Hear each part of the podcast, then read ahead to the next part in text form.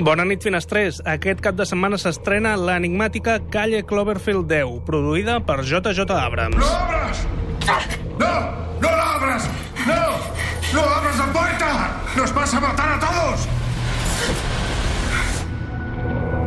Ja fa anys que es parlava d'algun tipus de projecte paral·lel a Cloverfield, aquell film del 2008 estrenat com a Monstruoso, en què una mena de Godzilla atacava a Nova York i tot era gravat a través de telèfons mòbils.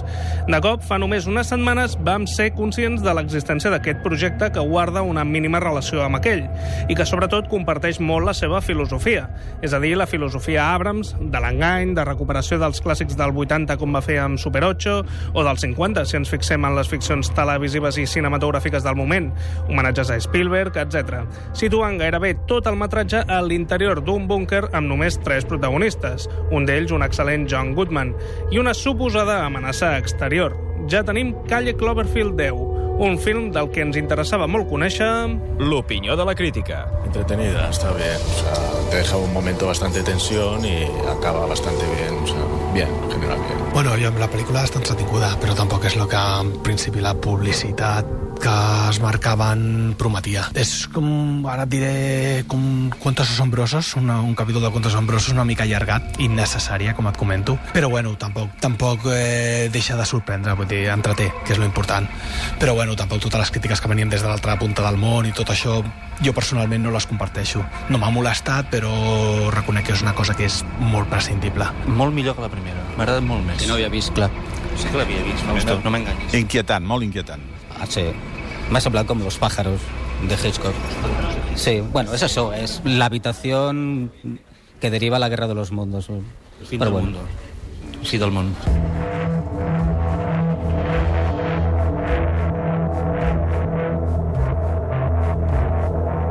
Pues me parece que están bien utilizados los trucos de siempre y, creo que son eficaces para, para un cierto público, para un cine de género o subgénero. Sí. Yo, me ha parecido que es entretenida, poco más. La mezcla de, de la habitación con la guerra de los mundos me parece pues, optimismo. Molt entretinguda. És com un episodi de dimensió desconeguda a lo grande, un episodi de Perdidos, i m'ho he passat molt bé, home, té coses una mica forçada, però té bastant d'encant i bastanta gràcia. No m'ha semblat malament, però realment crec que promet més del que acaba donant. Uh, no ho sé, comença com una pel·li que sembla una pel·li de Hitchcock, però després acaba sent com un episodi de dimensió desconeguda. Crec que funciona més la part quan està suggerint més, que juga més amb el joc de no saps ben bé què és el que està passant o què és el que realment qui, qui enganya qui o tot això. Després ja quan es fa més explícita potser per mi ja, ja, ja, ja decau el ritme, però, però té coses, té coses potents, té coses potents.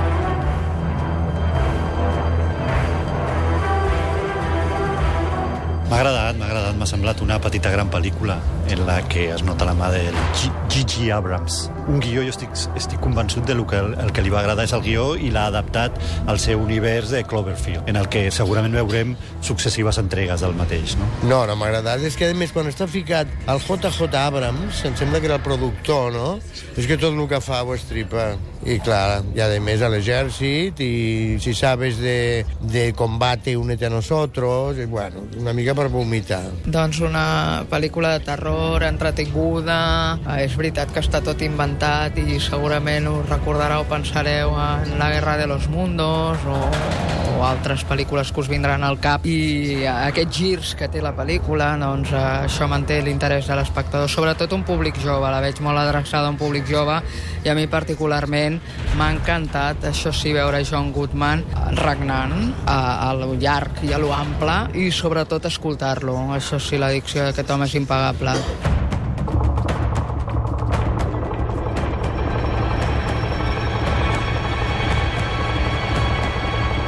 Eh, a mi m'ha agradat molt.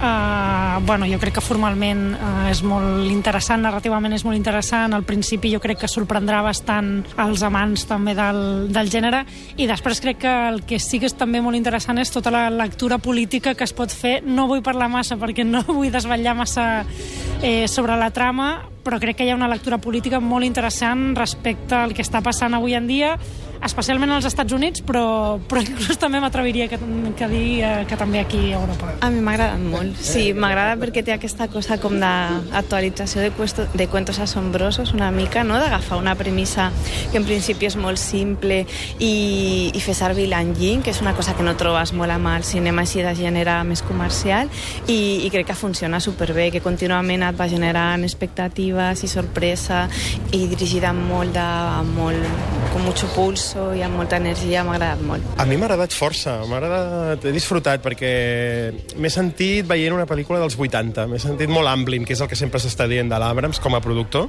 que recupera aquest esperit eh, del, del cinema d'evasió i de ciència-ficció ben entès, però és que a més va més enllà del que seria només una pel·lícula de ciència-ficció. Hi ha, una, hi ha com dues pel·lícules dins de la pel·lícula i hi ha tota aquesta trama de, de, de tres personatges gairebé teatral, no? Gairebé becketiano, de, de, de tres personatges en un búnquer, no sabent què passa... Per tant, m'ha interessat la primera part i també la segona perquè m'ha recordat aquest cinema espectacle que ens agrada, m'agrada la banda sonora. Uh, no, correcte. Una, a mi em sembla una pel·lícula correcta, que el, que el que més, el que més destacable és la combinació de gèneres que, que té. La qüestió de que al principi fins i tot pots pensar en psicosi, té el tema de Cloverfield, evidentment, el tema dels extraterrestres, etc. però això és el que em, em sembla més destacable i en general em sembla, em sembla correcte. No em sembla tant que l'havien inflat, vaja, em sembla que l'havien inflada, però, però em sembla que és, que és un bon entreteniment, sí, sí. Bé, no? Molt bé, l'únic que potser els que sabien que això tenia una relació amb Monstruoso, jo m'ho esperava d'una altra manera, com està unida, però bé, és una gran pel·lícula de, de gènere que, et manté al seient tota l'estona i pensant què passarà, què passarà, una gran pel·lícula d'entreteniment. No sé, jo estic molt content amb... Vull dir, és el que comentàvem, no? Són pel·lícules Monstruoso i aquesta, que potser no estan connectades de manera molt òbvia, però és que sí que són connectables. I el, i el JJ Abrams sempre ha jugat molt a això, a, et dona un producte i tu després et, et posa el gusanillo de, de, de la curiositat perquè tu després investiguis i si a casa els connectis. Això també em sembla molt interessant. Jo li destaco dues coses. Una és el treball de John Goodman, que està fantàstic, i l'altra és a nivell de guió i d'acció, que el, el ritme és molt bo, el muntatge. Bé, quan trobes que allò ja no pot estirar-se més, llavors hi ha un gir argumental que reforça que continuïs atent tota l'estona. Bé, que està molt bé els jocs psicològics eh, de la pel·lícula, realment. Està tot el rato jugant amb l'espectador i tal. D'entrada sembla que Calle Cloverfield 10 ha agradat bastant.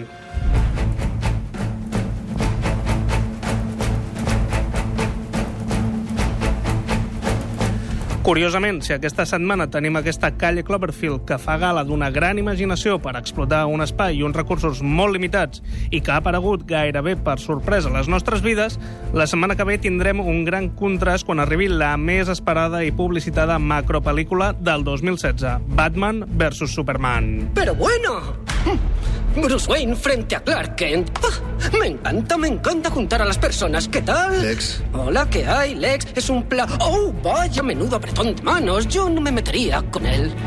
Dos hores i mitja i pel que diuen la pel·lícula més cara de la història. Aparentment, després de El hombre de acero, Zack Snyder repetirà fórmula.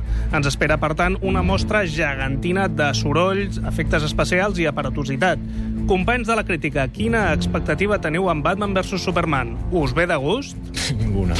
No me interesa especialmente en el tema de los superhéroes. O sea, como no sé algo tipo, tipo de, la, de, de Predator y Alien, si no es algo así loco, no me interesa si es en plan serio.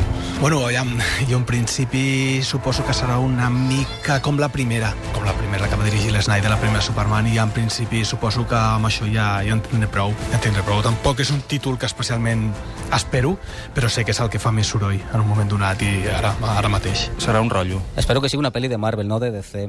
Això és el que espero. Que no sigui psicoanalítica, que passin coses, no sé, que no sigui gent amb cara amargada. És el que espero, només això. I arribar a les vacances de Setmana Santa bé. No, no la voy a ver esta semana que viene. Quizá a la vuelta de las vacaciones, quizá la vea, pero no, no, no estoy especialmente motivado por ella. La veritat és que no tinc massa expectatives, perquè estic una mica cansat de superherois ja. I em sembla que lo de Batman i Super... La confrontació no m'acaba de convèncer. Així, en teoria, a priori, no m'acaba de convèncer, però bueno, igual sorprèn, tu. La veritat és que has anat a preguntar potser la persona equivocada, perquè jo soc, estic una mica saturada ja de superherois i tot això. Se suposa que aquesta ha de ser una de les pel·lícules més, més potents en, en, en aquest sentit, no? No ho sé, intento no tenir masses expectatives i, i ja veurem a veure, a veure el què. Bueno, les, uh, les habituals en aquest, ni, ni, a, ni a favor ni en contra. És una pel·lícula que els personatges tenen molt de gruix i jo crec que ens depararà una bona sorpresa. Tinc esperances.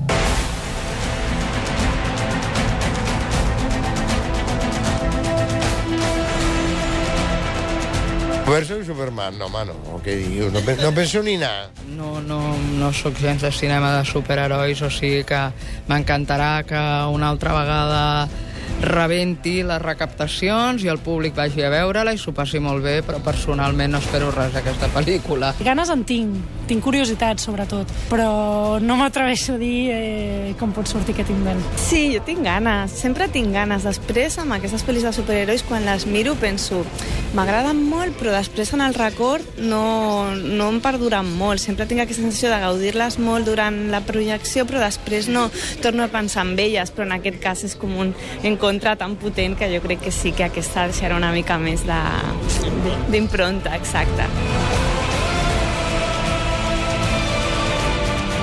És complicat ara, i ha arribat un moment que amb el cinema de superherois ja no saps què pots esperar. Home, eh, l'Snyder ha fet coses que m'han agradat, jo defenso bastant Watchmen i espero, doncs això, que vagi per aquesta línia. Això és el que espero. La gent també crec que està una mica cansada de tants crossovers i coses d'aquest tipus. Eh, crec que anirà bé i punt. Personalment no m'interessa. O sigui, d'expectativa no, la veritat és que no... A cap, vaja, no, no, no, no m'interessa. Ja fa un any que m'està arribant que m'estan arribant informes molt negatius d'aquesta pel·lícula, però jo tinc expectatives. A mi Zack Snyder m'agrada, és un director que m'agrada molt, i inclús et defenso molt la pel·lícula que va fer de Superman, així que jo aniré amb, amb hype bastant alt.